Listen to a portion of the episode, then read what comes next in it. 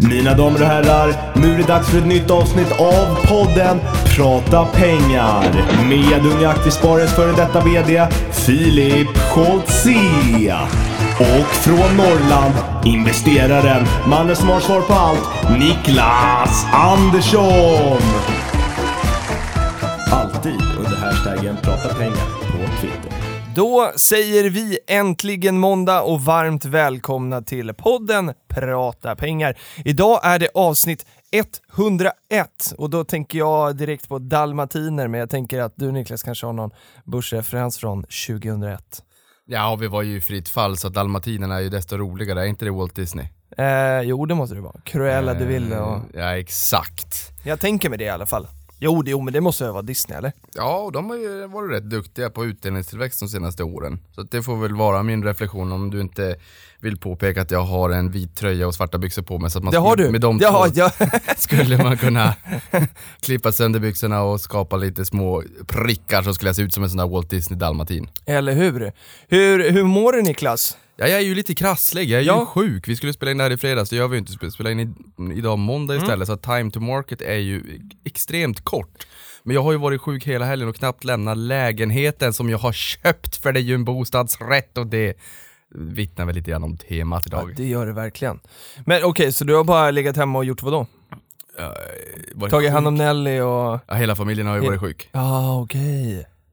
Ja, vad segt alltså. Men du ser pigg ut och du låter pigg idag i alla fall. Så här när vi spelar in så tidig morgon så har man ju ändå lite morgonbasröst. Ja, ni förstår att jag har varit hemma och läst på lite grann också. Ja, Ja. Det, det kan vi tänka oss. Eh, vad skulle jag säga? Jo, förra veckan så hade vi då avsnitt 100 och eh, eh, när det var de sista 10 minuterna så, du hade ju liksom förberett en jättestor så här bostadsspecial och sista 10 minuterna så tänkte vi, ja, men vi, nu påbörjar vi det här i alla fall. Och sen stoppade det ganska snabbt för jag insåg att det här kommer vi, vi kommer inte hinna någon vart. Eh, så att, och, och då började vi prata om, eh, om lite bolånekuriosa, hur det går från ax till limpa liksom, eller hur det går från att man liksom eh, påbörjar tanken om att att man ska köpa en bostad tills det man har eh, nyckelfärdigt. Eh, och vi ska alldeles strax, eh, strax gå in på det, men innan så har ju Oskar Lindgren här, och 88, vår klippa, eh, han har eh, berättat för oss här på morgonen att det är en liten julkampanj. Och eh, den här julkampanjen kör ju UA, eh, har gjort de senaste åren i alla fall så länge jag vet, eh, och eh, lika så i år. Och då är det så här att det är tanken att man ska kunna ge bort ett medlemskap då, så att man kan ge bort ett medlemskap i Unga Aktiesparare för 149 kronor, egentligen kostar det då 275. Oskar, jag förlängde faktiskt mitt eh, häromdagen, jag fick hem en förnyelseavi så jag förnyade den. Eh, och eh, så, ja, så jag betalar 275 men ni kan betala 100. 1949. Och här har Oskar då också berättat att det finns ett litet lifehack. Eh, och lifehacket är så här att man kan faktiskt ge bort ett medlemskap för 149 kronor till sig själv om man ändå har tänkt att man ska bli medlem. Otroligt fin present till sig själv tycker jag, eller till någon annan. Eh, och det man gör då det är att då, då skriver man i att man är eh, som gåvotagare och den som ger bort presenten. Och det här hittar ni på Unga Aktiesparares hemsida, men det finns ett litet men. Man kan bara ge bort det här till sig själv, alltså utnyttja det här lifehacket om man inte har varit medlem tidigare. Och vi tänker ju att ingen av våra lyssnare är en sån. Så att, sorry. Antiklimax. ja, jag tänkte, ja, ni ver- verkar inte vilja ha mig som medlem för jag får ju alla de där inbetalningarna längre. Jo, till Aktiespararna. Ja, och den får jag. Till gubbklubben. Till gubbklubben. Men jag, jag, jag ska inte skratta för att jag har bara ett år kvar. Det här blir mitt sista år nu. Jag fyller ju 29 nu i januari eh, och förnyar nu så att jag får ju liksom hålla ett år till. Eh, har lite tur där med att, eh, att det förnyades precis just nu.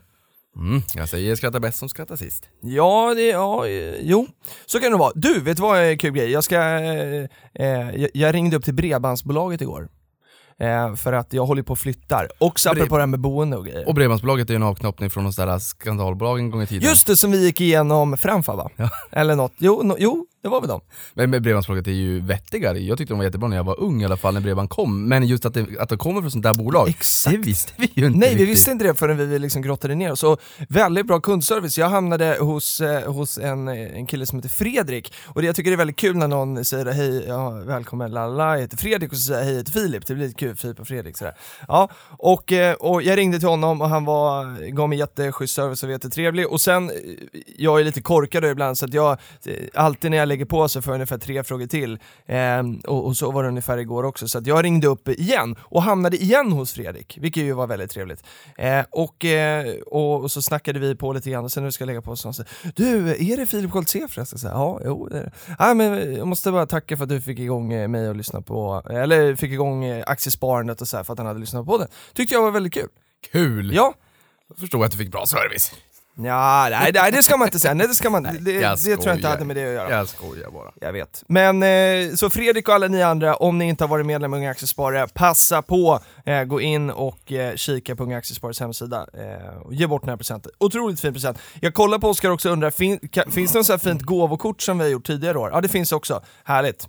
Eh, skriv till Oskarlingen88 på Twitter om ni har några frågor. Men nu Niklas så ska vi djupdyka in i dagens eh, special som ju handlar om att köpa bostad. Och ska vi börja med, det här är ju en superaktuell fråga, inte bara för att jag själv har liksom precis avklarat den här processen, eh, men också för att det kom, eh, det klubbades ju ett nytt amorteringskrav här i förra veckan. Eller hur? Jajamän, det gjorde det. Eh, men du har ju faktiskt alldeles nyss köpt bostad ja. och stått i den här, så det blir perfekt att ta dig som ett exempel. Vill du dra det här nya regelverket? Jag kan dra det nya regelverket. Det verkar så här då att tidigare, man, man har ju haft, det här är ungefär mm. som skatten på investeringssparkonto och kapitalförsäkring. Mm. Man börjar någonstans och sen höjer man lite längs vägen. Eh, och, och, lite samma här, det kom ju ett amorteringskrav, jag har glömt bort när det var, är det ett år sedan, två år sedan? Ja, hörru du, det var i inför... Nej det, nej, det är ett och ett halvt år sedan. Sommaren Det var i, i juni, 16. juni, för det var, man tänkte så här, nu kommer det komma en massa förköp, att folk ska köpa innan Exakt. första juli. Ja, men sommaren 16 ja.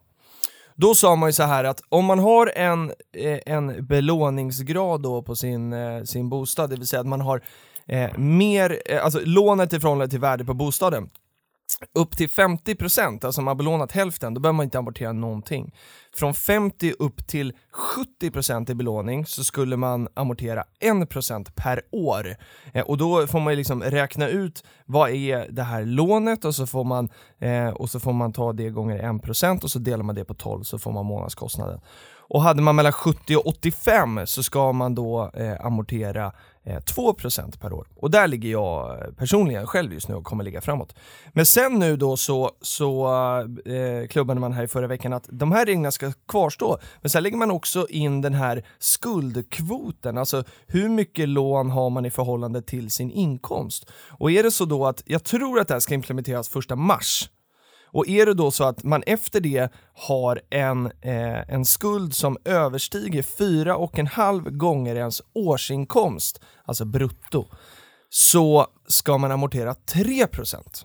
Mm. Så här skruvar vi åt och skruvar åt och skruvar åt. eh, och jag lyssnade på uh, Ekonomi och lördag här i helgen, var Bolund där och han sa att det här var en av de viktigaste sakerna nu, för, eller för att det var en av de största riskerna i svensk ekonomi. Någonting, någonting, någonting.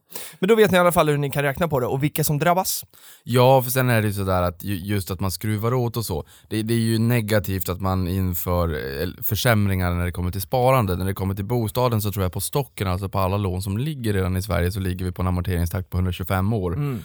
Um, är det så att du amorterar 1% om året, en rak amortering ger ju 100 år. Just det. 2% det vill säga över 70% det ger ju 50 år i, i avbetalningstid. Ja. Om det inte är så att du ändrar då till 1% eller kanske 0 ja, när du kommer det, till 50. Kan man göra.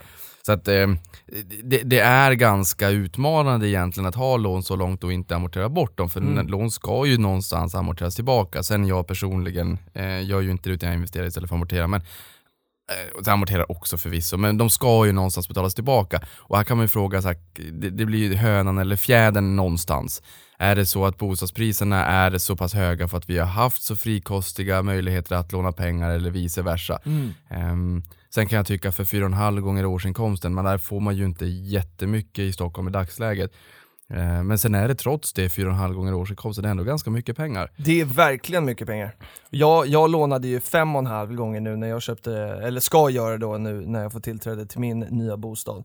Eh, och, eh, och har en belåningsgrad som är eh, också eh, över så att jag får amortera de här två. Men nu blir det ju, kommer jag ha innan mars, så att jag, jag kommer inte drabbas av det. Men sen är det det här, och det ska man komma ihåg, att det är, amortering är ju fortfarande ett sparande, men som du säger Niklas här, är att man försämrar ju sparandet för att sparandet, eh, att amortera amortera, eh, vi sa det här förra veckan också, men vi kan upprepa det. När man amorterar så får man egentligen eh, samma ränta avkastning som, som man har ränta på sitt lån. Eh, och, och om man då har ett lån på, eller en ränta på 1,5% eller vad det nu är, så, här, så, blir ju, så är ju inte det ett jättevast sparande. Nej det är det ju inte. Och det är ju precis som du säger, för jag menar, har man 100 kronor, sparar där, får 1% i, i eh, avkastning och så på en vanlig traditionell depå, då har du ju 101 kronor efter ett år. Exakt. Men sen dra bort skatten, då är det 100 kronor och 70 öre istället. Ja. För du drar bort 30% på den där 1 kronan du har fått i avkastning. Yes. Om du har en, en låneränta på bolånet på eh, 1%, Mm. ja om du då amorterar in 100 kronor, då slipper du ju betala en krona i räntekostnad på den där hundralappen för den är ju borta för all evig framtid, den är ju avamorterad. Ja. Eh, Men i och med att det är en skattereduktion i Sverige idag på 30% upp till 100 000, 21% därutöver, så innebär det att den där en kronan hade bara blivit eh, 70 öre i slutändan för du hade fått tillbaka 30 öre på deklarationen. Exakt. Så därför same same, det är ett sparande men det är inte ett jättebra sparande. Men just det här med 4,5 gånger årsinkomsten också. Du och jag kan ju tycka att eh, ser ett bolag ut att vara dyrt, Mm. inom citationstecken för att det är ett högt P tal då kanske vi, om vi är väldigt nyfikna på bolaget, så letar vi oss in och kollar på PEG-talet istället. Man kollar på P-talet, eh, alltså hur många gånger årsvinsten man betalar för bolaget i relation till den förväntade vinsttillväxten. Mm. Eh, och det kan ju vara, vi har sagt det förut, säger det igen, om man köper en kavaj som är jättestor eh, så får du sätta det på en buffé, käka dygnet runt tills du har växt in i den där Exakt. kavajen. Det går till slut. Mm. Eh, och här blir det samma sak, för om man, har då, om man då får låna upp till 4,5 gånger årsinkomsten, sen så blir det liksom hårdare åtstramande regler att man måste amortera 3% istället. Säg att du är en ungdom eh, som börjar med en lön på kanske, vad vet jag, 17 000, 18 19 20 000. Eh, men där, man, där banken ser att inom en, en, en förutsägbar framtid så kommer den här personen att tjäna mer pengar. Mm. Eh, vilket så är i de allra flesta fall. Eh, då kommer ju 4,5 gånger årsinkomsten vara högre om bara några Exakt. år. Men man kommer inte byta bostad om kanske bara några Nej. år. Kanske men kanske inte. Så det blir ju också liksom en lite grann en mismatch för ungdomarna. Ja, det det. Men sen är det här 5 gånger årsinkomsten eller 4,5 gånger årsinkomsten i Stockholm. Mm. Säg 5 gånger årsinkomsten och du tjänar 25 000 i månaden säger vi. Det är ganska mycket ändå Mm. för en ungdom. Mm. Ehm, det är en och en halv miljon. Mm. Och så lite kontantinsats på det. Då köper du 5, 6, 1, 7. Det är mycket pengar. Mm. Men det ger inte mycket bostad innanför tullarna. Jag, Nej, jag bor inte innanför tullarna. Du får åka ganska långt utanför tullarna för att hitta det också. Ja, det är ingen mänsklig rättighet att bo innanför tullarna. Det Nej, ska det man ju säga. Det är ju varken gör- du eller jag. Nej, Ehm, kommer inte göra det efter nyår heller. Nej, men, men det här visar ju någonstans på att även när som du säger, även i kranskommuner, liksom Mm. det tränger sig längre och längre och längre ut i Stockholm, den här ökningen i priserna. För när ökningen har varit väldigt stor centralt, så börjar ju ökningen krypa ut så att säga och breda ut sig. Exakt. Eh, och det kan bli lite jobbigt och det här kommer ju leda till att eh, många föräldrar kommer få gå in och hjälpa till.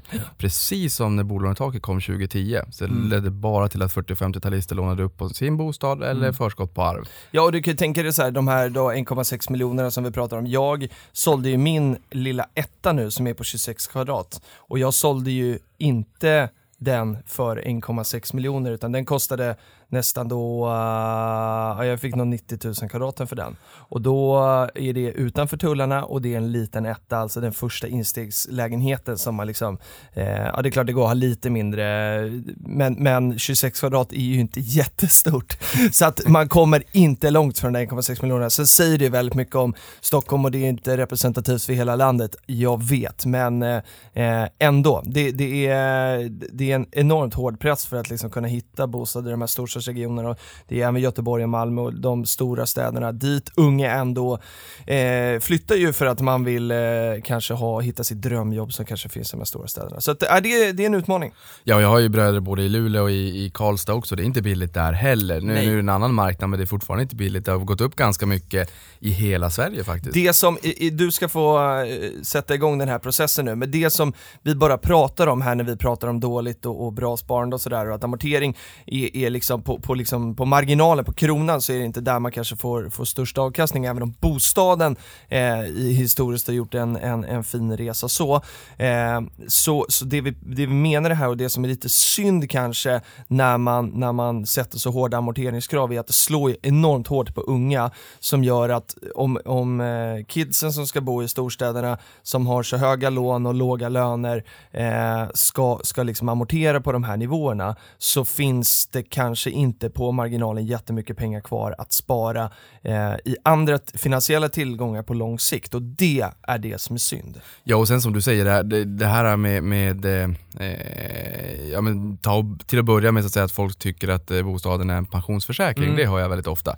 Det är det definitivt inte. Nej, det är jättekul. Ja, och, och oftast så är det så att... Nej, det är inte kul, det är väldigt jobbigt, men det är en väldigt intressant fråga. Ja, det är en intressant reflektion och, och att det är så, att man, många tycker det. Mm. Eh, och ofta så är det så i slutet på livet, eller man kanske börjar bli lite äldre, så att man har bott i en bostad under en lång tid, då har det ett affektionsvärde och Mm. det är inte alls sådär, ja men nu flippar jag min lägenhet för nu har jag en, en massa eh, övervärde här som jag kan liksom casha hem och leva livet, leva loppan, så blir det väldigt, väldigt sällan. Det är ungefär som man frågar pensionärer, vad ska du göra när du går i pension? Jag ska, leva, jag ska åka jorden runt och vara extravagant och, och samtidigt så, så i slutändan så blir det så att man sitter hemma och tittar på TV.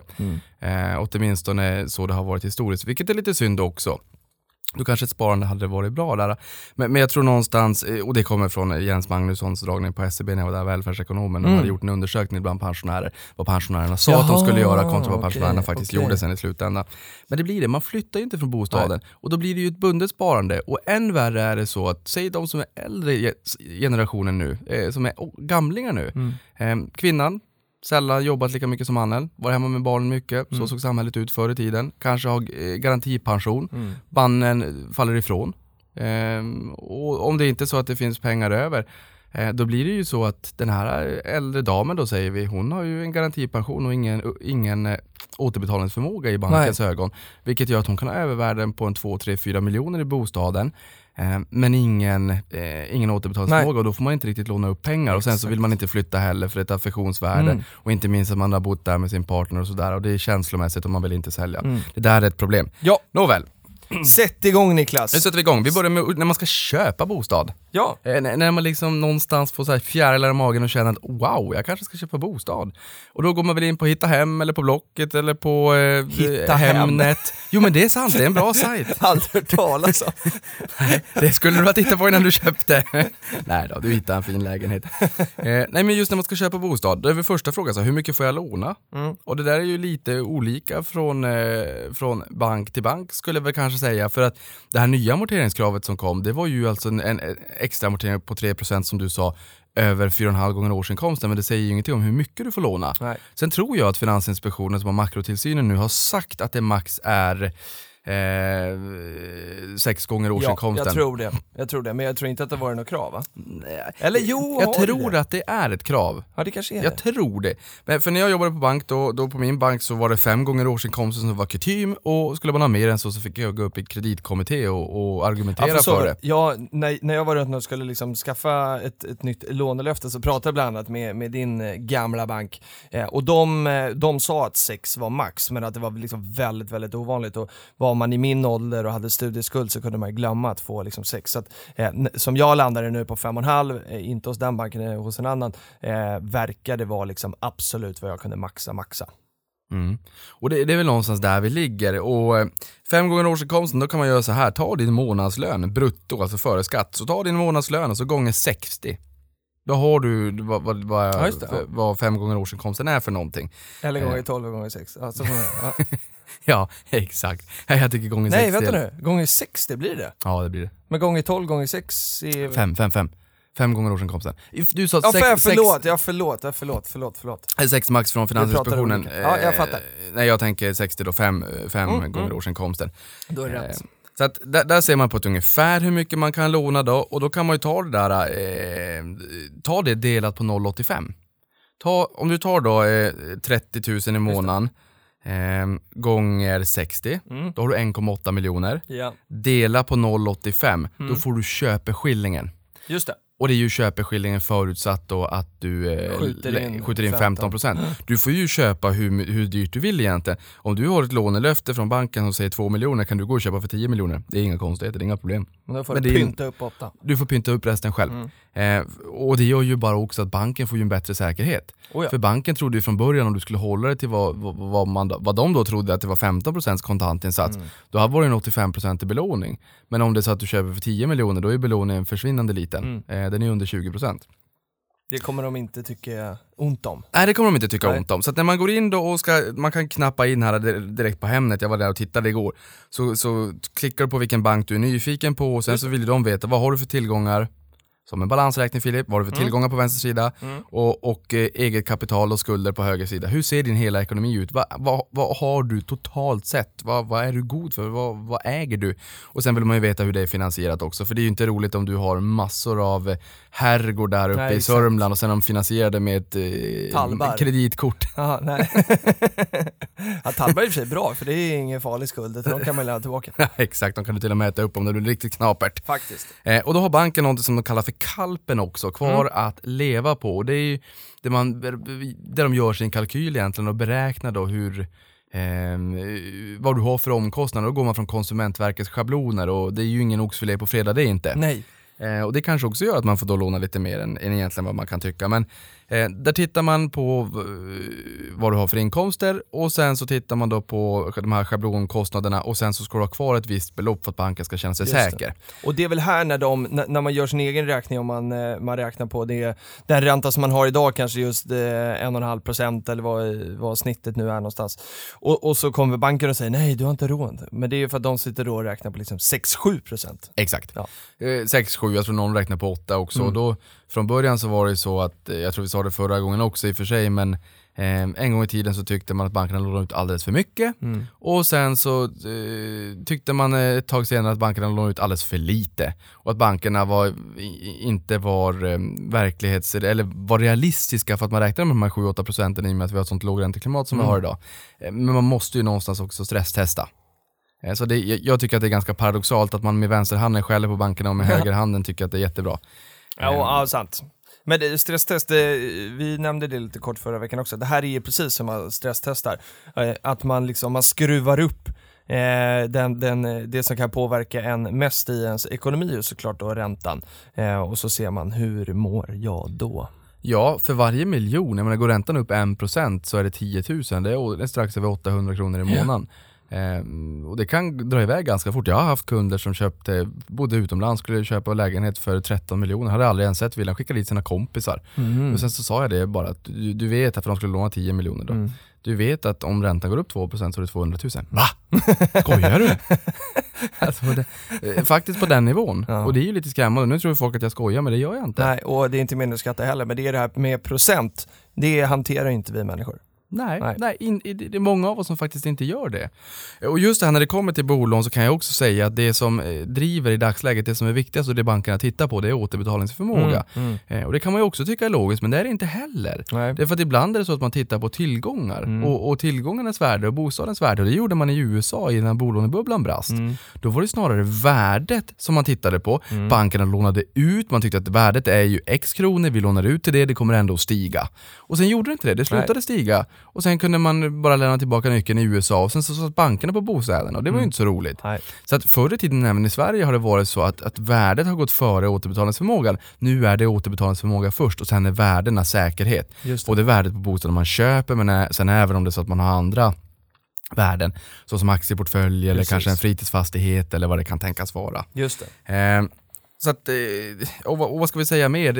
Är du en vuxen så är det en schablon. Är du två vuxna så blir du en annan. Det Mm. blir ju inte gånger två. Nej. Eh, det, för det blir lite skalfördelar här. Och har du barn så blir det lite tajtare också. Och har du CSN-lån så blir det ytterligare lite tajtare helt enkelt. Ja. Eh, men hur gör man om man är student och ska köpa då? Har du varit i den situationen? När du köpte första gången, var du student då? Eh, nej, det var jag inte. Då hade jag precis eh, börjat jobba, jag hade tagit examen. Eh, men det hjälpte inte så mycket för att jag var ändå runt och eh, pratade med tre storbanker i alla fall här i stan med mina föräldrar och, eh, och jag hade en ganska schysst ingångslön och, och eh, tyckte att så här, nej, men eh, nu kommer jag klara mig väldigt bra själv. Och, eh, men jag hade också med mina föräldrar då som kunde hjälpa mig. Men, men bankerna var jäkligt eh, svåra alltså. Det var, det var ingen som ville vara snäll och hjälpa till utan eh, ja, då fick jag leta, leta, leta tills jag hittade någon eh, utanför storstan. Och vilket år var det här? Det här var då 2014. Okej. Ja, och för, för så kan det ju faktiskt också vara. Just som student, det behöver inte vara omöjligt, men eh, jag tror att där brukar man, eh, SEB hade något som kallades för första bolånet, Mm. där man går ut och hjälper ungdomarna att faktiskt köpa sin första bostad och, och i det fallet så var det upp till 28 år då. Okej, Och det innebar att föräldrarna, en eller båda föräldrarna gick med som medlåntagare. just det. Inte borgensman, Nej. utan medlåntagare. Mm. Och skillnaden är att om, om du är borgensman så måste det gå, liksom, du, du måste fallera med din betalning, det måste gå hela den, den juridiska vägen bam, bam, bam, bam, bam, tills dess att man kan kräva Okej. eh, borgensmannen. En medlåntagare, då skickar de fakturan till dig. Om inte du betalar så skickar de i vändande post fakturan till mig istället. Okej. Vilket är mycket enklare förfarande och kostar inte lika mycket Så såklart. är det så som för egen skuld på något sätt? Ja, det är Ja, exakt, ja, ja, men det så, blir samma så, sak. Så, som för egen Ja, skull. just det, just så det. som för egen skull. Mm. Eh, Men med, när man är medlåntagare som förälder på första bolånet så behöver man inte stå med som ägare. Så Nej. då innebär du, Så var det för mig. ja, Mm. för du svarar så som för egen skuld men du har ingen tillgång. Nej, så du, har, du står bara på skulden. Jobbigt att vara förälder. Lite. Vad har jag gjort? eh, Men där, där var det, jag kan berätta precis hur det var för mig, för då hade jag med mina föräldrar som medlåntagare. Sen, sen var ju det här då en, en tid när bostadsmarknaden gick väldigt bra, så ett halvår senare när jag hade fått en högre lön så, så omvärderade jag min lägenhet och helt plötsligt så behövde de inte stå med på, eh, på det här bottenlånet längre, så att jag kunde liksom bara skriva av dem eh, för att jag, banken tyckte helt plötsligt då att, och, att jag kunde stå på den själv. Både för att jag inte längre var provanställd, hade fått högre lön eh, och så och det här är också intressant för du sa att ett halvår senare så gjorde en omvärdering. Mm. nu, lånar inte du upp mer pengar. Men det är Nej, många, nej men det är det jag menar, vilket var helt sjukt. Jag kunde bara liksom betala tillbaka skulden till mina föräldrar, det var inte det jag gjorde utan jag bara eh, skrev av dem från, från eh, lånet utan att någonting hade hänt. Alltså ingen, ingenting. Nej. Nej. Det blir ett nytt kreditbeslut hos banken dock, för det blir ju en ny säkerhet eftersom att de får ju en mindre eh, en mindre säkerhet Mm. i och med att dina två föräldrar med deras återbetalningsförmåga, en eller två vad det nu var, tas bort från lånet. Precis. Så det blir ju en ökad risk, men du Ja. hade också fått en ökad inkomst så att säga. Exakt. Men, men det, det kan ju vara vettigt att tänka på, inte för att någon av er som lyssnar bryr sig om just vad banken får extra jobb, men det blir ett extra kreditbeslut. Ja. Eh, Men intressant, för det är många andra som har använt bostäderna under lång tid som bankomater. Mm. Och det, an, det tror vi 17, det Klarna tar 29% om man ska avbetala någonting. Ikea ligger på strax under på den här 20. Klarna. Och Ikea också. Ikea ska vara folkligt. ja. Ja men då säger jag alltid då, jag som, att Ikea har också något för, och det här är ingen reklam, men eh, 099 såg jag på, kök, köket. ja. Ja, exakt. Men det är det- speciellt på kök, det Ja. är inte krediter. Nej, ja, men det är snyggt. Mm. Och anledningen till varför man gör det lite grann också, det är ju för att boosta försäljningen på kök. Det ska man ju inte tro någonting annat om. Men det är Nej, ändå, snyggt självklart. att, det är ändå snyggt att man har det så att säga. Eh, nej, men, men, men och även Filip, jag menar resor, bilar Mm. och allt Jo, vad det kan tänkas vara. Jo. Folk har ju lånat upp på bostaden Oh, för att köpa det. Oh, ja. Men som student, man har alltså möjlighet, man kan ta med föräldrar som medlåntagare då så att de står med på lånet och sen så, det är banken, banken gör ju det här för att de någonstans ser att de inom rimlig framtid så finns det en visibilitet. Vi ser alltså att den här personen, den här studenten kommer att kunna axla det här lånet själv. Ja. Eh, Det är inte så att man som, som student kommer kunna köpa för 5-6 miljoner och så här, något flådigt och föräldrarna står med utan det ska Nej. vara rimligt Jo, jo, jo, så att säga. Sen har vi också, jo sen kan vi säga som så här också, är det så att man inte har fast anställning Mm. så har bankerna, på min tid i alla fall, så var bankerna lite snällare. Eh, därför det finns arbetsgivare som inte arbetar riktigt med fast anställning. Det kan vara inom skolväsendet ibland, det kan vara inom Ah. vården inte minst, det kan vara inom media, mediebranschen. Eh, och, då var det snarare så att man tittade på deklarationen ett antal år bakåt Ja, och fanns det år efter år efter år en taxerad förvärvsinkomst, Mm. ja, men då gick man på det istället för att begära in ett arbetsgivarintyg helt enkelt. Men det där verkar väldigt lurigt, för att jag, nu när jag började på Avanza då, så blev jag ju provanställd. Och, eh, så jag har ju varit provanställd, eller är det nu, och när jag skulle liksom skaffa ett nytt lån. Eh, och för vissa banker var ju det där så här, nej då kommer du absolut inte få låna, för vissa var det så här, jag låtsas som att jag inte hörde det och så är det okej. Så att det, verkar, det där verkar vara väldigt upp till varje bank man väljer att hantera det. Ja och sen är det ju visstidsanställning, där, där är man nog betydligt hårdare för Ja. det är just vad det låter som, Jo. det är visstid. Jo, absolut. Men, men eh, vad, vad ska vi säga, om man inte har en fast anställning, det kan vara så att man, man går in, får ett jobb, det är en tillsvidareanställning Mm. men det är en klausul där som säger att det är en provanställning på, Exakt. på sex månader. Ja. Då kan man också vara lite försiktigare. Men är det så att man, man inte har en fast anställning trots att man har jobbat på ett jobb i flera år så att Ja. säga, därför att man inte, man arbetar inte med fasta anställningar på det sättet, vilket är lite synd Mm, för det mm. skapar ju liksom en liten oro i magen Osäkerhet. kanske och en osäkerhet. Då brukar man kunna Ja. vara snäll i alla fall. Ja. Eh, Det handlar om människor även på, på bankerna. Sen har vi 2010, då kom bolånetaket. Mm. Då vart det krav på en kontantinsats på 15% tror det eller ej, men så har det inte alltid varit. Eh, Nej, det var 10 innan.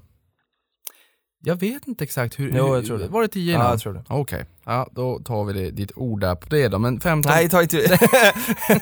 jag tänker så du säger att man ska inte ta gift på någonting. Det är som han i, i Haag där, eh, makabert, liksom, som, som tog livet av sig Ja, där. Ja, jag tänker på dig när jag ser det, för du säger alltid att man ska inte ta gift på Nej, saker och just det. Ja. Just det. Nej, det ser du, då ser du hur det går. Höjk. Eh, ehm, Jag tror att det var 10. Ja men kontantinsats då 15% och då är frågan där, hur får man ihop de där 15%? Vad säger du Filip?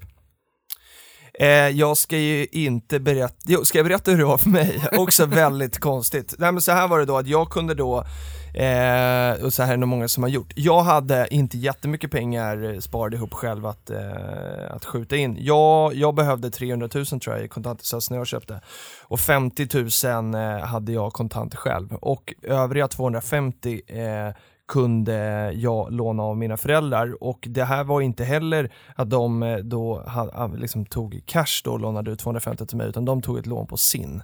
Eh, och det var den här jag kunde skriva av ett halvår senare. Så att i min bostad eh, som jag köpte för 2 miljoner 2014 sköt jag in 50 000. Ehm, det, var, det var det enda.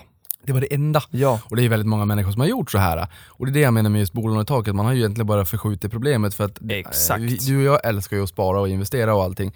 Men eh, i det stora hela så tycker folk kanske inte att det där är jätteroligt. Man vill ha bostaden idag, även om det kommer ta kanske något år att spara ihop en kontantinsats från noll. Mm. Ehm, Så det, det det här ledde till bolånetaket i stor utsträckning, även fast Riksbanken inte vill höra det, det är ju att 40 och 50-talister eh, gick och lånade upp sina egna bostäder. Exakt. Antingen gick och lånade upp sina egna bostäder och sköt till barnen eller att det blev ett förskott på arv.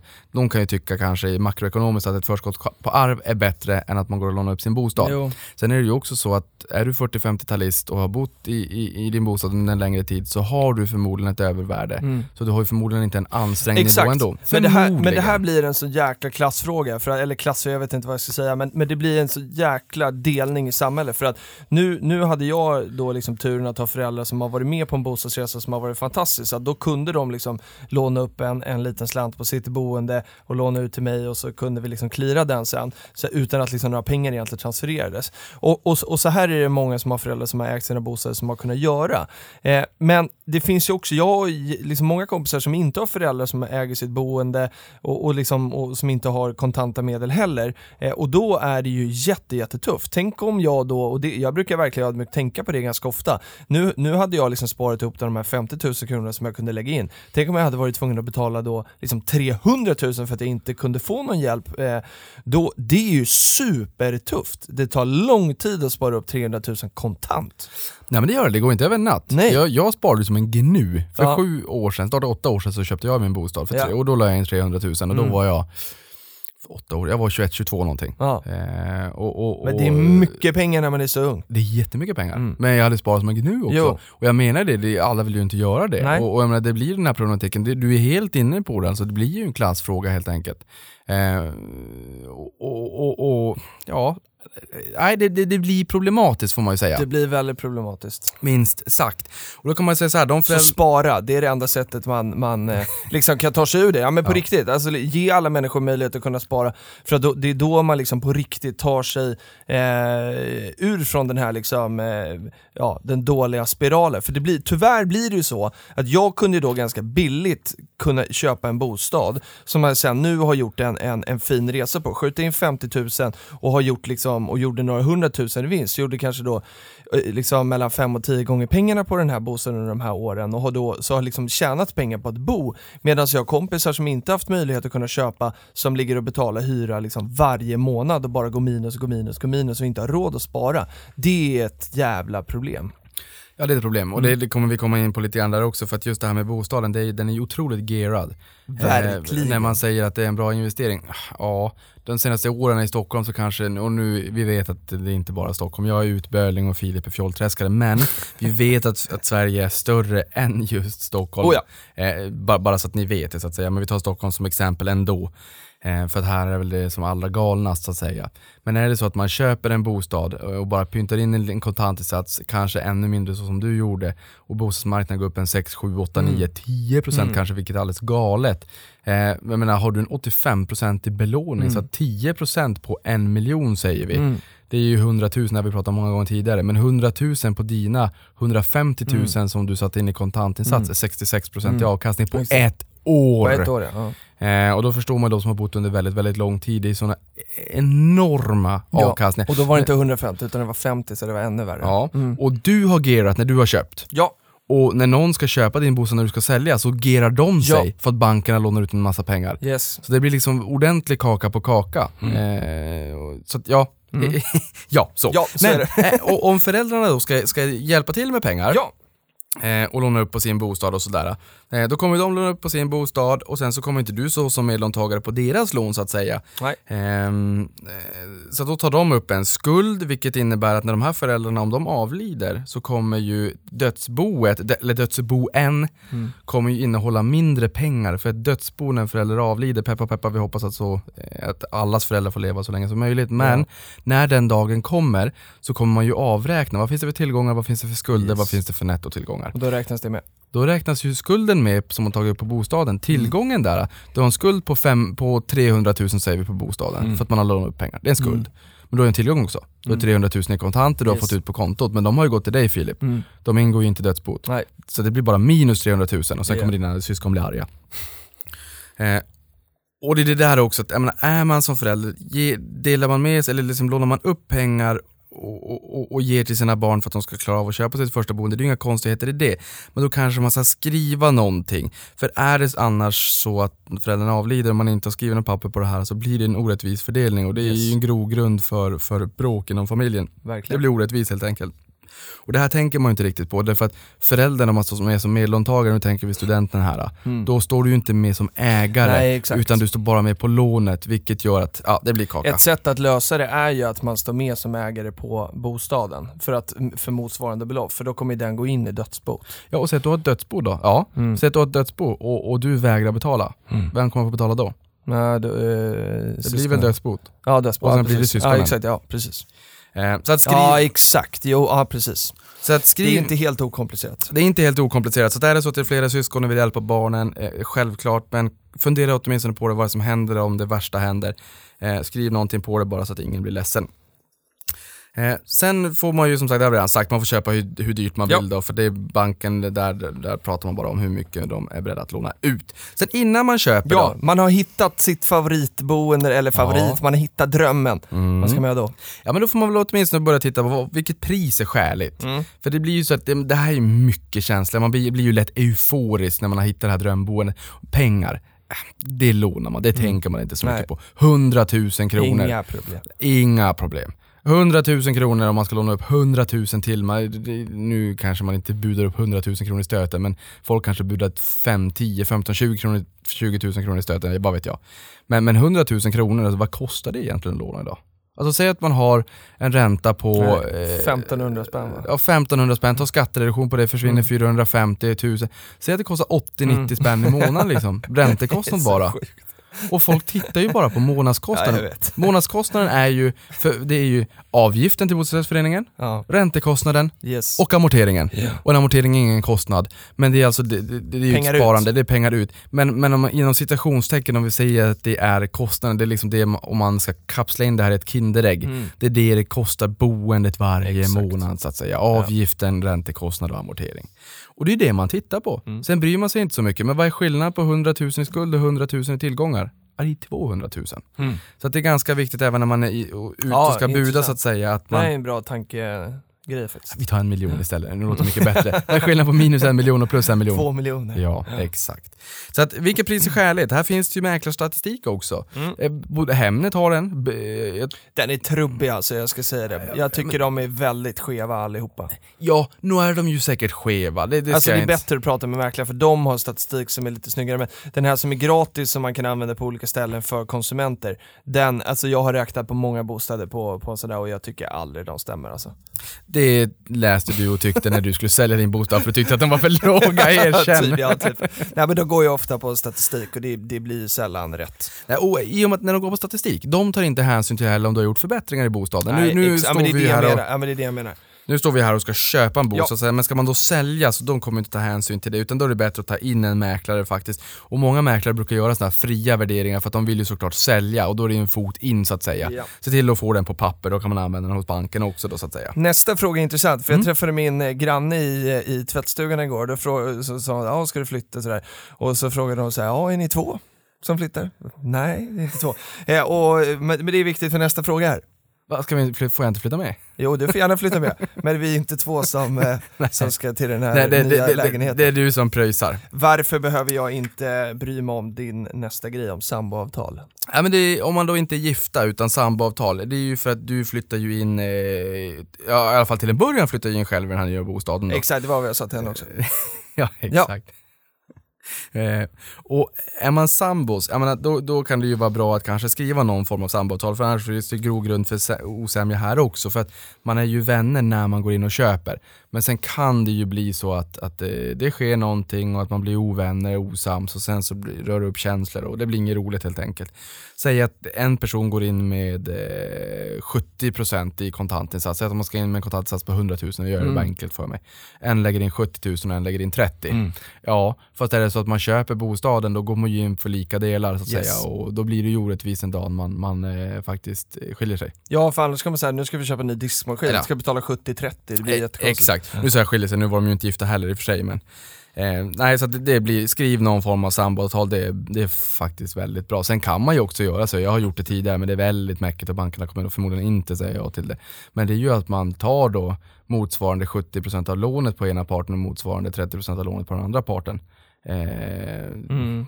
det går att göra så också. Eh, för att annars är det så att säga att en person äger större andel av bostaden, men man delar lika på räntekostnaderna år efter år Ja, efter år exakt, efter år efter år. exakt. Eh, så att skriv, Ja. skriv någonting helt enkelt. Eh, det, är det, det är bra. Sen får man väl säga livförsäkring också. Det kan också Mm. vara vettigt om man bor i en bostad tillsammans.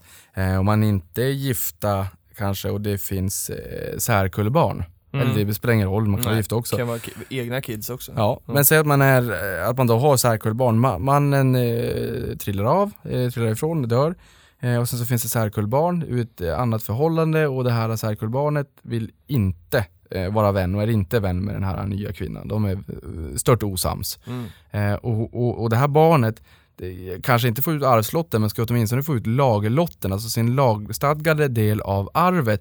Eh, De andra barnen inom det här giftermålet, inom, inom äktenskapet, de sitter ju orubbat bo så att säga. Mm. De får vänta tills båda föräldrarna har fallit ifrån. Exakt. Men det här särkullbarnet säger såhär, hör du, du och jag, vi no match. Mm. Jag vill ha mina pengar nu. Mm. Och vad gör man då om den här kvinnan, nu säger vi som ett exempel, eh, hon kanske, de kanske har tre barn, hon kanske är mammaledig nu och sen så måste hon gå tillbaka till jobbet och kanske har så som det var åtminstone, tar för vad det är, så som det var ofta när jag jobbade på bank, då kanske hon hade en sämre inkomst än mannen. Eh, I alla fall eh, tyvärr i dagsläget, ni vet hur det är. Ja. Eh, tyvärr.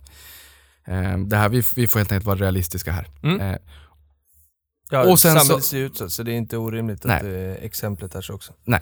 Och sen så har man höga lån på den här bostaden ehm, och barnet ska ha ut sina pengar. Och hur gör man då? Höga lån, räntorna stiger, räntekostnaderna går upp, man står som ensam förälder, tre barn, man har höga lån, räntekostnaderna stiger, man har ett särkullbarn som ska ut sin del av arvet, man kan inte bo kvar. Nej. Det är ju ingen optimal situation är när man ska kul. sörja ett, ett tragiskt bortfall i familjen. Nej. Eh, en livförsäkring skulle däremot kunna vara så att man ställer ut den på ens egna liv, så faller man ifrån så får makan en slant pengar då kanske som faktiskt kan lösa ut det här särkullbarnet, exempelvis, eller vad det kan tänkas vara. Mm. För den går, ju, den går ju ifrån den här allmänna arvsordningen, så att livförsäkringen går ju inte per definition, per automatik in i dödsboet så att det är så att särkullebarnet har rätt till de här pengarna utan den går ju Nej till makan. men exakt. Men det kan ju vara, ofta om man, liksom, om man har ett stort lån så kan ju livförsäkringen vara bra för att faller man bort, en stor inkomst faller bort, att man inte ska behöva flytta. Nej. För då med livförsäkringen så kan man ofta eh, ju betala av skulden. Du, vad vad bra att du säger det där. Vissa livförsäkringar betalar ut en, en eh, klumpsumma Mm. eh, till den Jag efterlevande. inte de flesta det. Eh, ja, det de, de, jo de flesta, men det, men det finns vissa som betalar av en klumpsumma Mm. eh, till kontot. Och sen så finns det vissa som är kopplade till lånet. Som är direkt kopplade till lånet. Och det där är så här merförsäljning Ah, okej. som bankerna brukar försöka sälja Mm. på. Som går in och, och, Och clearar eh, lånet. clearar det. lånet eller en del av lånet. Ja, okej. Läs på och kolla Ja, villkoren för att det, det, det kan vara allt mellan himmel och jord. Föreningen då? Ja, skuldsättningen i föreningen är också viktig Filip. Mm. För det är ju så att om jag köper en, en bostadsrätt, då köper jag ju nyttjanderätten till en lägenhet i föreningen. Jajamän. Och då finns det två olika nummer. Det finns en, en, eh, Skatteverkets Skatteverket. lägenhetsnummer ovanför dörren. Det är inte det man pantsätter på. Nej, Eh, ovanför dörren kan faktiskt vara olika. Det kan vara olika säger Ja, i, jag tror i föreningen som jag flyttar in i nu och där jag också bor är det föreningens nummer som står utanför. du. Okej, ja, det, det är fel faktiskt. Mm. Ja, det Eh, kan vara olika. Ja, Mm. eh, nej men det är fel. Ja, Aha. för det ska, jo, det ska vara Skatteverkets Mm. lägenhetsnummer och det har inte funnits så, så jättelänge. Det har funnits ett antal år. Det är de fyra siffrorna. Jo precis, är, Mm. om man säger så här 10 det är första, första våningen. Första lägenheten till vänster 1001, 11, 12. 1002 1002 och sen så nästa våning blir 1101, 1102, finns det fler lägenheter 1103, 1104 som blir 1201, 1202. Jag har 1101. Eh, 1102, förlåt. Eh, så att, och, och varför jag säger att det här är fel, Skatteverket, det är enkelt för brevbäraren och allt vad det kan tänkas vara. Men i, i lägenhetsförteckningen, för vi kommer gå in också på att det finns ett eh, pantbrev när det kommer till fastigheter, Mm. men det gör det inte när det kommer till lägenheter. Då finns det en lägenhetsförteckning. Mm. Så när du vill låna på din lägenhet, du äger ju bara nyttjande, du köper nyttjanderätten. Mm. Då skickar man denunciationshandlingar till föreningen, till styrelsen. Och de får plita på att de godkänner pantsättning och det är en denunciationshandling som man också betalar en liten slant för. Och där måste det framgå vilken lägenhet i föreningen är det som vi godkänner pantsättningen på. Eh, Min lägenhet heter 116. Jag bor i läge- Skatteverkets lägenhetsnummer 1101, det står ovanför min dörr. Men jag har lägenhet 116 i föreningen. Min lägenhet skulle kunna heta Kalle Anka. Ja, exakt. Och då är det den juridiska lägenheten Kalle Anka i min- jag ska inte säga mitt organisationsnummer eller min förenings, men, då, mitt, Som du har nyttjanderätt till. eh, ja, Mm. exakt. Och det är den du pantsätter, Mm. helt enkelt. Eh, Men hur skuldsatt föreningen är, om du köper en nyttjanderätt, köper en lägenhet för två miljoner Mm. och sen slår du ut lånen på antalet kvadratmeter i föreningen då säger vi, Mm. eller din andel, för du har ju ett andelstal, ett procentuellt andelstal av hur mycket av föreningen du då eh, äger eller vad man ska säga. Då kan det vara så att, säg att det är 600 000 i, i lån där. Mm. Då har du egentligen ett lån på 2,6 miljoner. Mm. Det är för att du har lån på 2 miljoner i din privatekonomi, men föreningen som du står delägare i har eh, motsvarande lån på 600 000 Mm. på din andel, Mm. helt enkelt. Exakt. Och är det så att föreningen är högt skuldsatt, Mm. vad händer då när räntorna stiger? Då kommer avgiften gå upp. Förmodligen. Eh, för då kommer, om räntorna stiger så kommer din räntekostnad i ekonomin stiga Mm. Och sen kommer räntekostnaderna i föreningen att stiga och om den är högt skuldsatt då kan man nog kanske utgå från att man höjer avgiften. Så inte nog med, vad sa vi nyss? Vi sa att bostadskostnaden är eh, det är avgiften, den stiger förmodligen om Ja. räntekostnaden stiger i föreningen. Sen har du amorteringen, den är förmodligen densamma, skruvas ju upp lite nu då men inte för befintliga. Och sen har vi räntekostnaden och den skruvas ju också upp, din egen räntekostnad. Exakt. Så det blir inget roligt scenario om det är så att man har en hög skuldsättning i föreningen. Nej. Eh, så det är viktigt att titta på det. Sen har vi varning för seniorlån. Okej, Seniorlån, det här är lösningen på de lånen som du pratar om när man inte har någon återbetalningsförmåga i, när man är pensionär. ja. Eller hur? Man Ja. har ett värde i bostaden men ingen, ingen l- ja, lön då, ingen, ingen hög lön, så går det lite tv-reklam ibland när de säger att du får låna i alla fall. ja, exakt. Det här det är varning för dem alltså. Ja men det är, ja, men det är lite varning Eller för se dem. upp, Ja men se upp, exakt. eller Alltså, läs på. Ja, alltså det, det, det finns någonstans en ehm, det finns en rational i det hela. Mm. För det här är så att du är gammal och inte har någon återbetalningsförmåga, lever på garantipension, kan inte riktigt ta upp lön på den inkomsten samtidigt som du har en bostad som är obelånad för två miljoner och inte några efterlevanden. Exakt. Kanske man vill låna upp några hundratusen. Då kan du låna upp några hundratusen. Problemet är ju bara att här är ju en ränta säkert en 4, 5, 6 procent. Mm. Eh, och jag tror inte risken är speciellt jättehög med en bostad som, har, som är obelånad på 2 Nej, miljoner. Nej. Eh, Men det är ju bara, du får ju betala den ränta för att du inte, ja, för- att du, de, de har ju råd, eller de kan ju ta det för att de ger dig en möjlighet som du inte annars har. ja men säg att du har en bostad på 2 miljoner då, då kanske du kan låna upp 300 000. Just det. Eh, så det är inga stora belopp, för att det blir, du betalar ingen räntekostnad i de vanligaste fall. Nej, precis. Utan det läggs bara på hög och då blir det omvänd ränta på ränta. Så den dagen man trillar av pinn så kommer bostaden säljas och sen så cashar banken hem eh, sin skuld och all ränta som då har byggts ovanpå på toppen. Precis. Eh, men som sagt, det, eh, inte, det behöver inte vara en varning. Därför att det kan ju vara ett sätt för, för eh, en åldring att få ut en slant pengar Jag på förstår livets hur det fungerar i alla fall. Förstår hur det fungerar. Sen kan det vara så här också, jag ska skynda på lite grann här så jag hinner med allting jag vill, men det kan vara så att om det är så att det här är en, en åldring som har en obelånad bostad på 2 miljoner och som har en garantipension och ingen återbetalningsförmåga istället för ett seniorlån, så skulle jag ha gjort så här. Om man hade haft barn. Mm. Då hade jag skrivit bostaden på mina barn och sen hade jag sagt till mina barn att kan ni ta upp ett lån åt mig? Det här förutsätter ju att barnen kanske själva har bostad och sådär också så att man inte liksom är och tallar på deras Nej. återbetalningsförmåga om de ska låna. Skriv bostaden på barnen, barnen får låna upp 500 000 tillsammans, ge till mamman eh, och sen så får de bostaden så att säga. Så kan man ju också göra. Jo, så kan man Och då blir räntekostnaden betydligt lägre. Men då, där vill jag också till då att eh, alla barnen är med va? Och att, eh, eh, att de är kontanta med varandra och sådär. Ja, det finns ju lite ifs and buts där också. Det finns ifs and buts, Ja, helt ja. klart. Det gör det. Eh, eller så får man som barn som, eh, stå med på, på, som ägare så att säga, och, och låna upp. Det kan man göra. För då, då åh, nu blir det en utsvävning också, men säg att... Äh, skit i det, gå vidare. Okej, vi, vi går vidare. Det fanns, det fanns en lösning på det också, men vi går vidare. Nåväl, vi går vidare och försöker hinna med allting då. Eh, då har vi ju eh, besikta hus innan. Köper man huset till att Kanske besikta. blir det tredje avsnittet. Nej, nej jag, ska försöka, jag ska försöka. Eh, sen får man fråga, ska man köpa eller sälja först? Hur gjorde du Filip? Jag köpte först. Du köpte först innan Ja. du sålde. Ja, Är det så att du har säljkontrakt så brukar det inte vara något problem för banken att ordna handpenningslån och överbyggnadslån. Eh, hand, det gick bra. det gick bra. Handpenningslån är ju att säga att du köper och tillträder första juni och sen säljer du och frånträder första juli. Då har du ju en månad där du står med två bostäder. Och dina pengar som du ska gå in i den nya bostaden, de får ju du loss första juli när du har frånträde då. Eh, Men redan första juni när du har tillträde till det nya så behöver du cleara allting och liksom lösa säljarens lån och allt vad det kan tänkas vara och Ja. föra över slanten pengar. Handpenningslån, säg att 10% av alltså handpenningen ska föras över inom en vecka. Mm. Då får man liksom ett handpenningslån av banken för banken vet ju att du säljer där första juli så då löser de det. Och sen överbyggnadslånet, då säger de så här resten, de här 90% eller vad det är, vi får räkna bort eh, kontantinsatsen då också.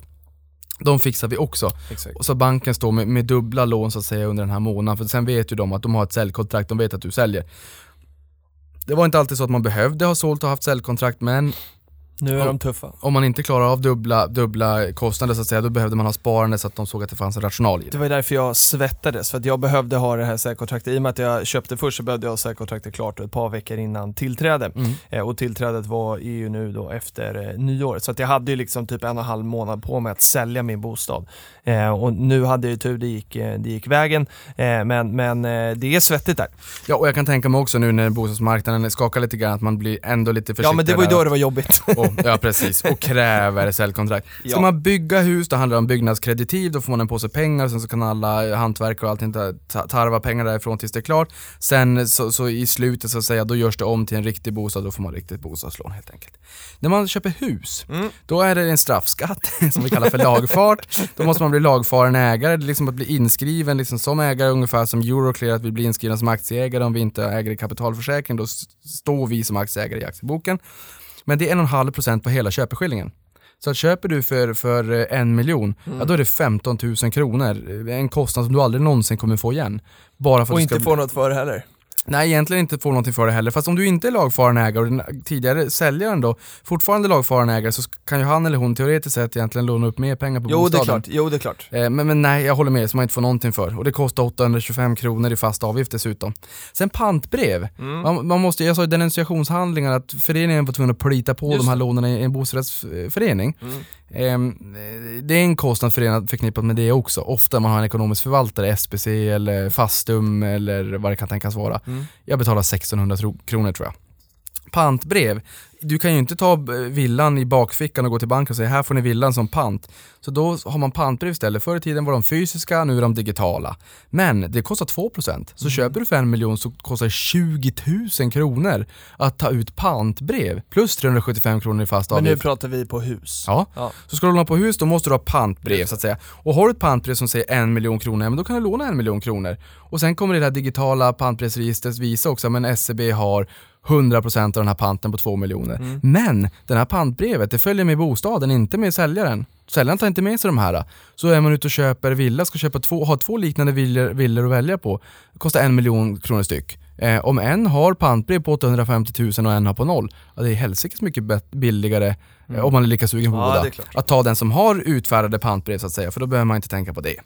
Sen ehm, eh, ska vi se där med denunciationshandlingen, det kostade när man pantsätter i lägenheten också, men det är ganska lite.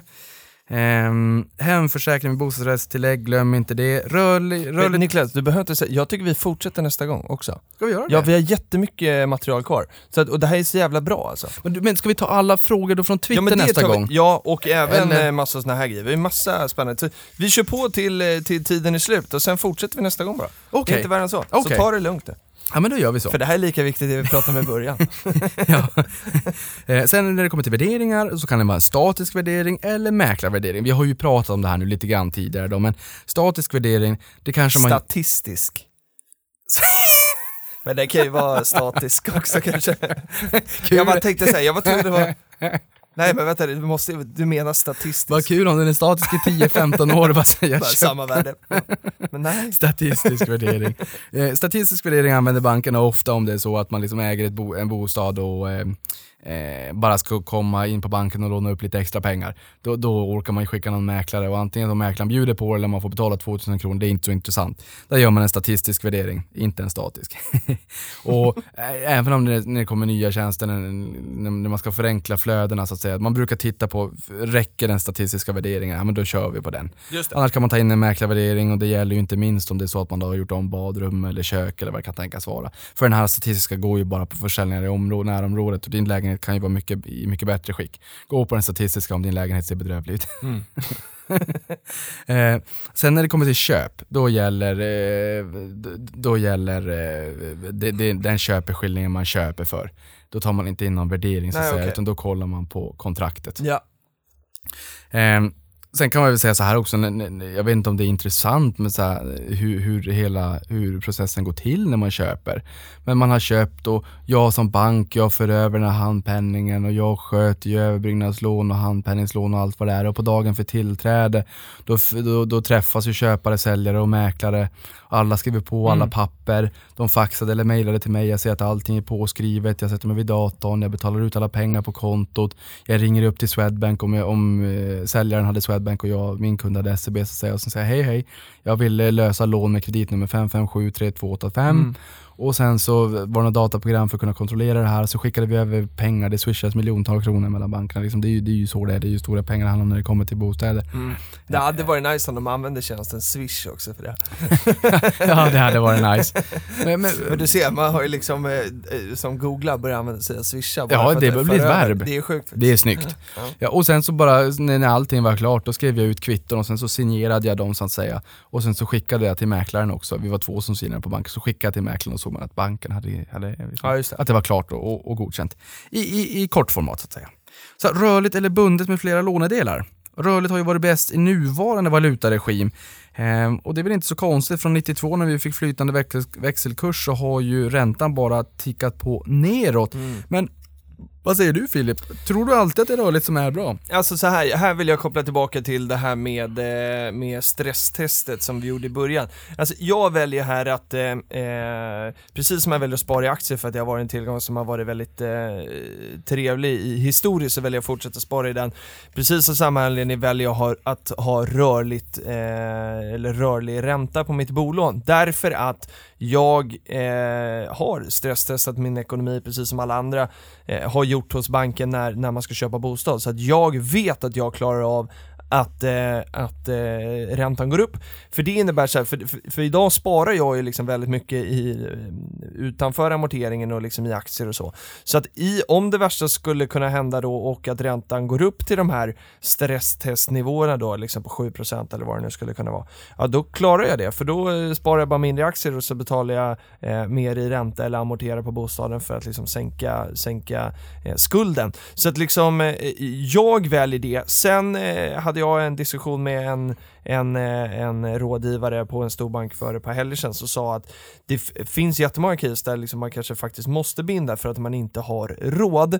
Eh, och det här diskuterade du Niklas, och din första eh, kommentar på det var att säga, nej men vadå, alla har ju stresstestats av banker så det är klart du har råd, då har du för höga kostnader.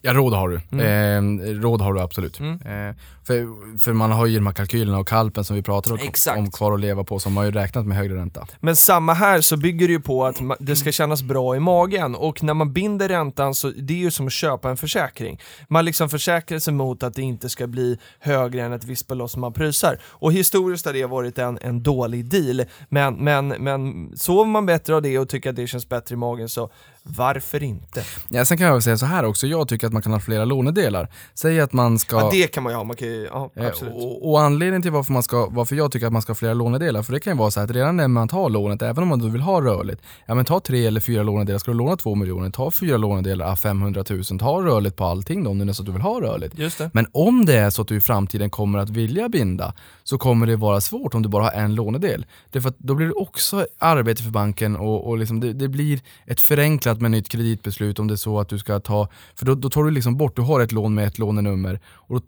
tar du som bort det och så mm. får du fyra nya lånenummer i systemet så blir det som ett nytt så att säga. Och bara för att du vill kunna binda några av de här lånen. Det blir liksom mäckigt. Ja och sen har du väl flexibiliteten, för sig när jag köpte mitt boende för tre år sedan, om jag hade bundit räntan då på fem år och valde nu att flytta, så får jag ju betala den räntan för de sista två åren som är kvar. fantastiskt bra att du sa det, för jag nu tänkte jag på, det kom, det kom upp en liten flashback vad man kan göra och sen tänkte jag, nej men jag får inte in det, men nu fick jag in det i alla fall. Säkerhetsbyte, mm. vissa banker godkänner säkerhetsbyte mm. också också. Och det innebär ju helt enkelt egentligen bara att man har eh, en bostad i en bostad med pantsättningen där som säkerhet för lånet ifall du inte skulle kunna betala. För först är det inkomsten, det är din inkomst, ja. ska betala lånet, betala räntekostnader, amorteringen och allt det där.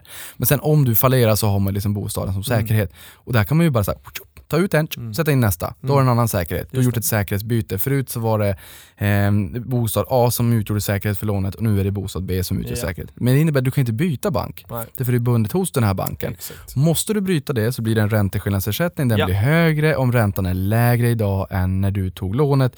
Därför då gör ju banken en sämre affär. Ränteskillnad, ränteskillnadsersättningen är också avdragsgill. Så 30%, du får en skattereduktion även på den på mm. 30%. Så för varje, liksom varje tusenlapp ränteskillnadsersättning så får du tillbaka 300 kronor på deklarationen.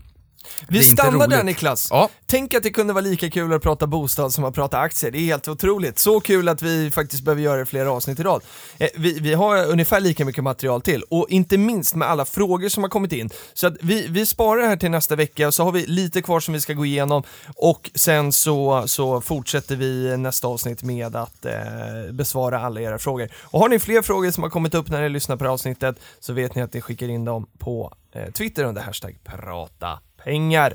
Vi säger så va? Vi säger så. Nästa gång blir det ränta, det blir lite uppskov, det blir alla frågor från Twitter och det, det blir så här, det, också, det blir mysigt. Ja, och, och räntorna som man ser, de här utgångsräntorna på sajterna ska bli buffel och båg och det förklarar vi varför och vad snitträntorna landar på i slutändan och allt vad det är. Det blir ett spännande avsnitt nästa gång också. Det blir det. Herregud, det här är en trilogi. Jag vet. Ha en bra vecka hörni. hej. hej.